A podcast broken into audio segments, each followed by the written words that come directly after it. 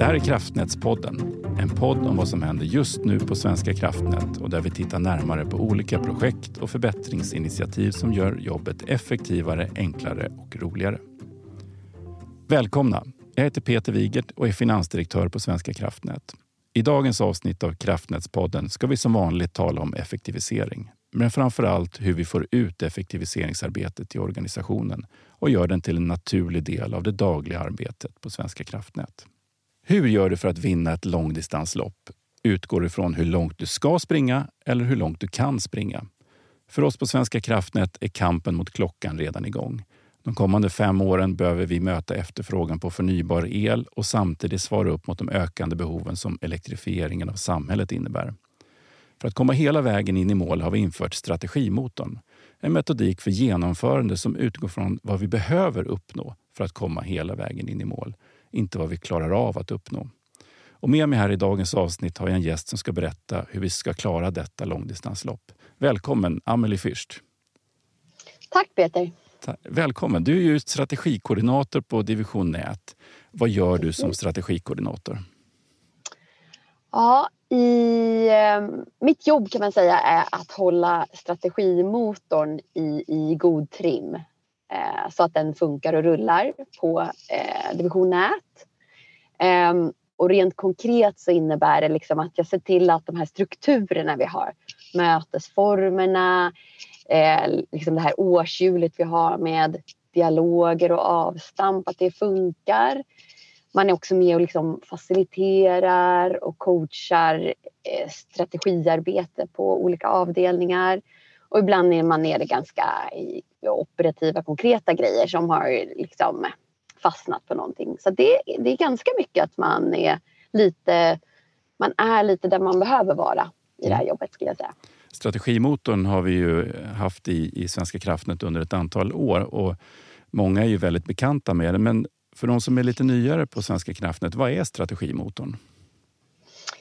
Det är en metodik som vi har tagit till oss eh, på Svenska kraftnät. Eh, 2019 började vi på nät eh, och det är ett företag som heter Integ som har liksom uppfunnit den så att den finns etablerad. Det är inte vi som har hittat på den själva. Och den har hjälpt liksom olika företag inom industri och så att liksom göra stora förändringar i arbetssätt. Så det är någonting man tar till, ett verktyg man tar till när man behöver göra stora förändringar där liksom alla medarbetare behöver vara med på tåget för att man ska komma någon vart. Och där är vi ju nu på Svenska kraftnät. Så då har man liksom anammat den här metodiken och den har ett antal liksom, eh, verktyg som man använder eh, och principer man följer. Mm. Eh, så kan man säga. Hur gick det till när ni startade upp strategimotorn på nätdivisionen?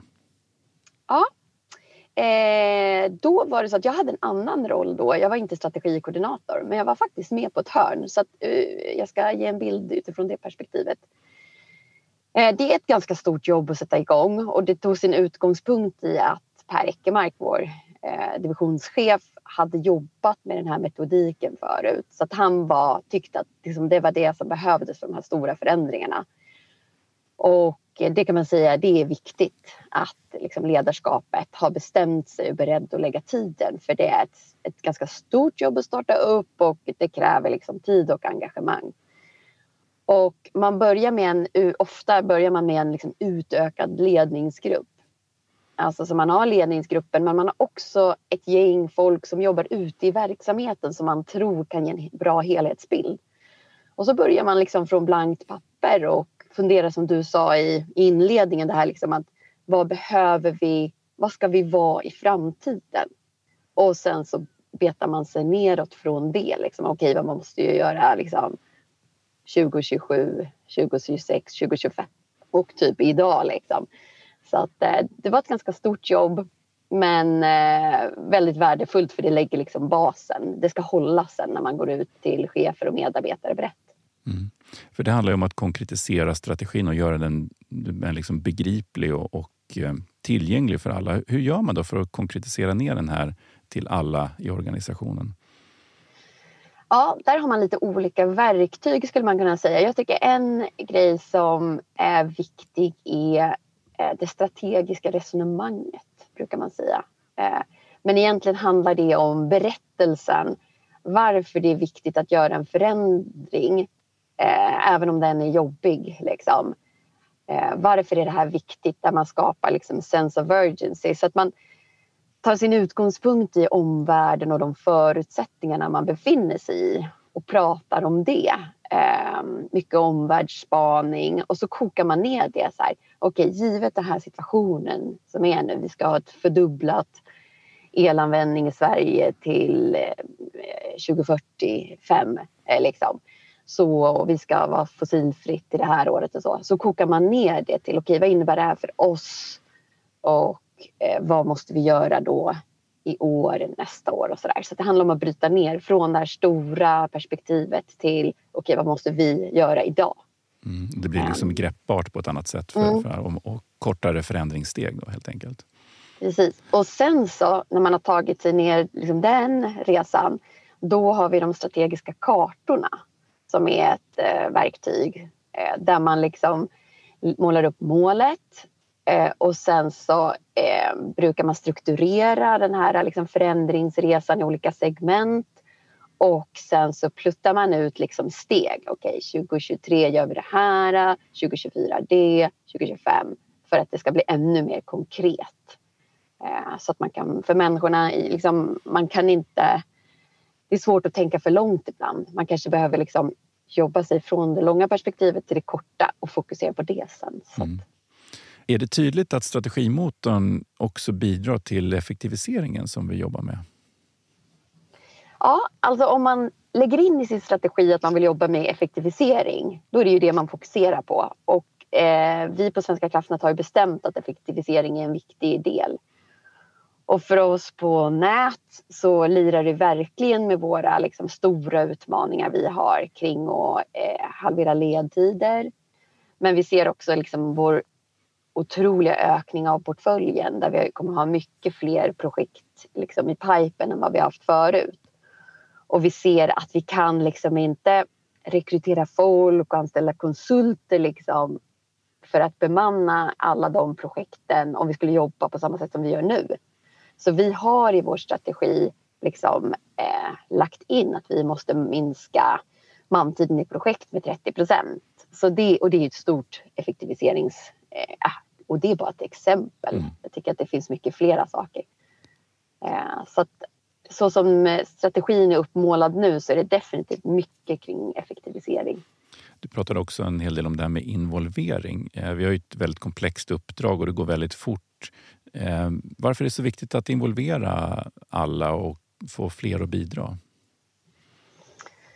Eh, ja, nej, men det kan man väl säga också är liksom en liten grundsten i strategimotorn att ledningen behöver liksom måla upp de stora penseldragen och målen och hit ska vi och det här är gapen som måste fyllas.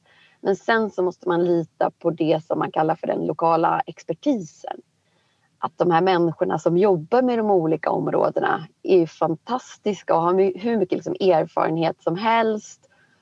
Och man måste ta tillvara deras kunskap och energi för att berätta precis hur det ska gå till. Okej, okay, ni måste minska eh, mantiden i projekt med 30 procent. Okej, okay, vad måste ni på er avdelning göra? Ja, och då tänker de då jobbar de med sina bästa bidrag till exempel som kan vara att ja, men gud, vi kan inte fortsätta att lägga så här mycket tid på att data blir fel i någonting och så fixar de någonting som styr upp någonting. Eh, så att jag tror att det här med att det finns inget annat sätt än att lita på att eh, de här eh, fantastiska medarbetarna vi har vet precis hur något ska göras medan vad som ska göras och vad riktningen, det måste man låta ledningen peka ut. Mm. Kan strategimotorn bidra till att vi får de strukturer som hjälper oss att få mer gjort på kortare tid i rätt riktning? Ja, det skulle jag säga för att vi är alla liksom, eh, hårt belastade av eh, liksom, det dagliga jobbet, eh, vårt operativa jobb. Eh, ja, på grund av allt som ska göras i liksom, verksamheten. Så allt ifrån eh, Eh, jurister som hjälper projekten med entreprenader till projektledare till kontrollanläggare och chefer som ska ta hand om medarbetare liksom fullt upptagna. Samtidigt så har vi inte råd att inte tänka framåt. Vi har en så här eh, bild som vi brukar visa eh, som är, det är någon gammal 80-tals eh, illustration på en gubbe som drar en eh, skottkärra med ett fyrkantigt hjul och så kommer det någon med ett runt hjul under armen och knackar på så här. Och så säger den här med fyrkantiga hjulet att nej, jag har inte tid, eh, jag måste jobba. Liksom. Och jag tycker att det där äh, visar så himla mycket hur det är på Svenska kraftnät. Vi är så upptagna så vi ibland inte har tid att stanna upp och fundera på om vi verkligen håller på med rätt saker eller jobbar på ett effektivt sätt. Och då bryter liksom strategimotorn, liksom armbågar sig in i ens eh, tid och av, liksom, tvingar en att avsätta tid för utvecklingsarbete. Så jag tror att den verkligen gör det. Det handlar ju om att ta sig tid till utveckling helt enkelt. Ja. Att, att tvinga sig dit. Mm. Ja. Nej, men jag känner igen det där. Eller kan inte du göra det? Man, kan, man sitter med sina grejer så tänker man så här, nej jag hinner inte eh, liksom, styra upp egentligen. Jag gör det här hellre nu som jag alltid har gjort det för det känner jag mig trygg med. Liksom. Så att jag mm. tror att det är en det finns en natur, naturlig reaktion att, att ja. eh, sopa där man står istället för att eh, sopa ja, Särskilt om man är lite är stressad. Liksom. Mm, om, vi, om vi går vidare så, så handlar det om både planering av, av, att genomföra saker och sen följa upp att det blir gjort. Hur följer ni upp att det här eh, får effekt och får framdrift? Mm. Det finns en, liksom en struktur i metodiken som är liksom återkommande eh, mötesforum. Dels på liksom gruppnivå där man jobbar med, liksom, driver förändringsarbete rent konkret. Då är det ju att vi har de här drivningsmötena där man möts ofta och avrapporterar och diskuterar. Så då, då blir det ju liksom naturligt att man följer upp och ser till att man har gjort någonting till nästa gång. Och vi tror mycket på att det här liksom små steg eh, gör att man till slut kommer fram. Sen så är det också så att det finns något som heter stödgruppsmöten som sker på ledningsgruppsnivå där man varje månad möts och funderar på hur går det med de här strategiska stegen som vi ska ta. Är det någonstans det är problem, någonstans vi måste hjälpa till eller finns det något som har gått jättebra som vi ska fira och lyfta och så. Ehm, och dessutom halvårsvis då så har vi de här eh, dialoger och avstamp där man också liksom firar det som man har gjort men också lanserar liksom okej okay, vad ska fokus vara nästa halvår okej okay, och vad gör vi då? Så att det är ganska mycket så här, uppföljning inbyggt i metodiken. Mm. Ett begrepp som kommer upp ofta det är ju bästa bidrag. Mm. Eh, har du någon statistik på hur många bästa bidrag som genomfördes på nät förra året? Men jag tror det var att vi räknade ungefär 120. Jag tror att det var något liknande på system också. Mm. Så att vi liksom, det kom ju en output. Sen så kan de vara mer eller mindre stora beroende lite på kapacitet hos olika eh, liksom, grupper och sådär. Men man ser liksom att det kom ju ut saker och det är ofta jag träffar på riktigt bra grejer på gång som och så säger eh, enhetschefen att ja, men det är ett bästa bidrag som vi jobbar med nu och sådär. Mm. Så att, eh, vi gläds åt det där. Det känns alltid som typ julafton när vi ser alla bästa bidrag som är gjorda eller ska göras. Mm, vad var det bästa som du såg eller någonting speciellt som stack ut under förra året som du vill lyfta upp? Um, ja, men det är så många, men nu senaste tiden har jag funderat mycket på... Vi jobbar mycket med dokumenthantering och det är lite så här gnetigt jobb liksom. Um, men som pågår liksom varje dag i alla projekt och i verksamheten och betyder jättemycket för effektivitetsfrågor. Så att jag vet att den gruppen som jobbar med dokumentationsfrågor har jättefina bästa bidrag som handlar om att liksom verkligen effektivisera. Ehm, och, eh, och det, ja, det är ett gott exempel på eh, liksom, när, när en grupp ser att det här måste vi styra upp nu, nu tar vi tag i det. Och så ber man om hjälp också. Mm. När du beskriver var ni är idag i ert arbete med strategimotorn så, så låter det ju väldigt enkelt. Men jag antar att det var en, en resa från det här vita pappret till där ni är idag. Hur har resan varit? Eh, nej men det stämmer, det, det, var en, det är en resa och det, det, är, inte speciellt enkelt skulle jag säga för det kräver ganska mycket så förändringsledning och förändringsarbete. Så att um, dels det själva uppstarten, att man ska börja från ett blankt papper. Jag vet att man gjorde några omtag, att man, man målade upp en strategi på ett visst sätt och så var man inte nöjd. Efter ett halvår så gjorde man lite om och sådär. Jag tror att det är viktigt liksom att eh, man låter det vara lite svårt och man gör lite omtag och ibland så på, på, på mer operativ nivå är det också ganska svårt ibland att armbåga sig in som vi pratade om förut i det här operativa och då kan folk tycka så här, ska vi ha det här mötet nu igen? Det har vi inte tid med och så. Så att jag skulle, någon har sagt att strategimotorn ibland är liksom ja, gnetens återkomst, att det finns inget annat, det finns inga genvägar liksom. Utan man måste jobba på att ta steg för steg för att komma mot det här liksom, få den här förändringen gjord. Och det hjälper strategimotorn oss med, men det är absolut inte smärtfritt alltid. Om du frågar eh, medarbetare ute i organisationen, vad tror du de säger om strategimotorn för deras ja, vardag? Men, ja, det är nog lite blandat. Eh, jag får mycket så positiv feedback att man tycker att det har blivit en bättre kultur kring förändring och att man blir bättre mottagen om man har idéer på förändring. Så liksom folk som tycker att det är en viktig grej får dem att gå till jobbet och känna sig energifyllda. De är mycket positiva och de som får igång jobbet. Andra delar som tycker att det är svårare med de här förändringsbitarna och är mer stressade, de tycker att det är liksom jobbigare att just man ska bryta in och det ska vara eh, möten och eh, det ska ske förändring. Så det kan absolut vara blandat. Men är det inte så att när man ser de här effekterna som det ger, att man kan mäta och följa upp och man ser att en mängd bästa bidrag, det borde ju ge en väldig energi, tänker jag. Ja, men det gör ju verkligen det.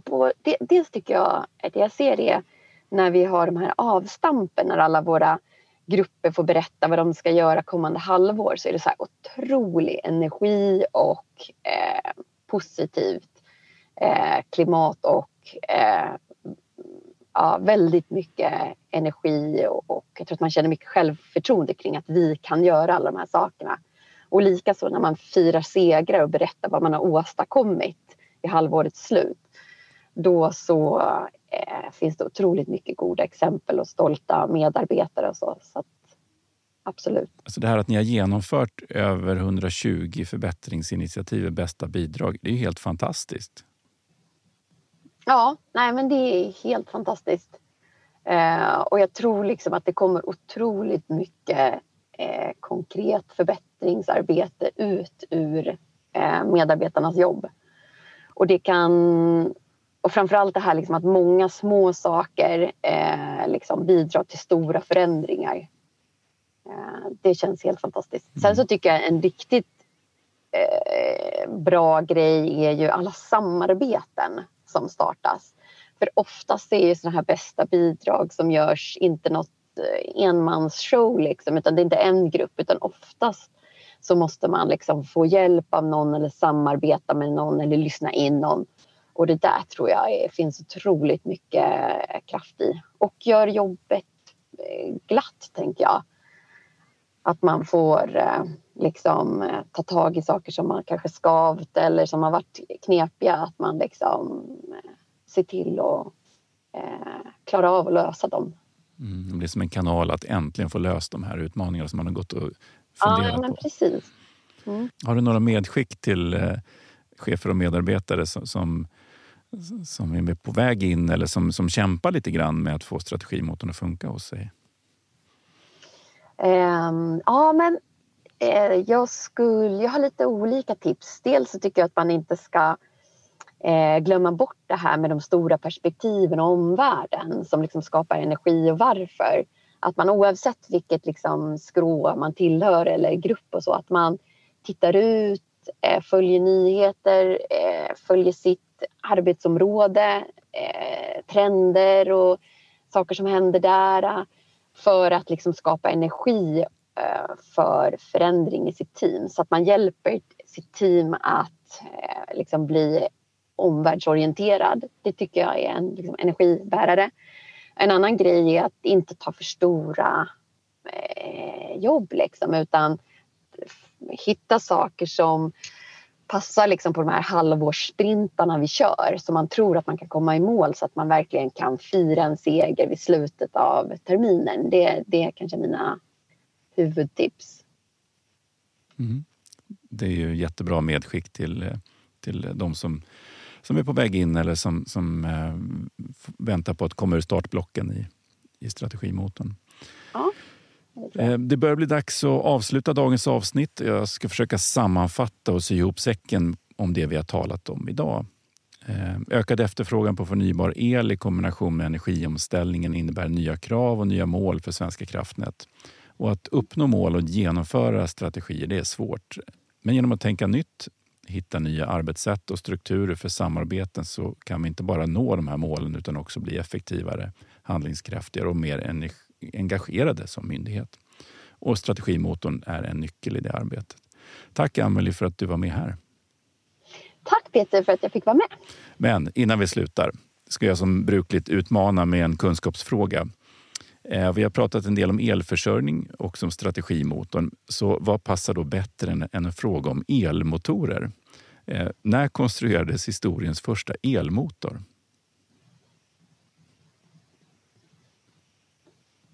Frågar du mig det? Ja. okay. Det är kombinationen mm, el och motor. Här. Ja, jag har för mig att den kom egentligen tidigare än för förbränningsmotorn. Mm. Um, så att jag gissar på uh, uh, 1820. Det är ju oerhört nära eftersom rätt svar var 1828. Och då byggde den ungerske ingenjören Jedlink en modellbil som drevs av en elmotor.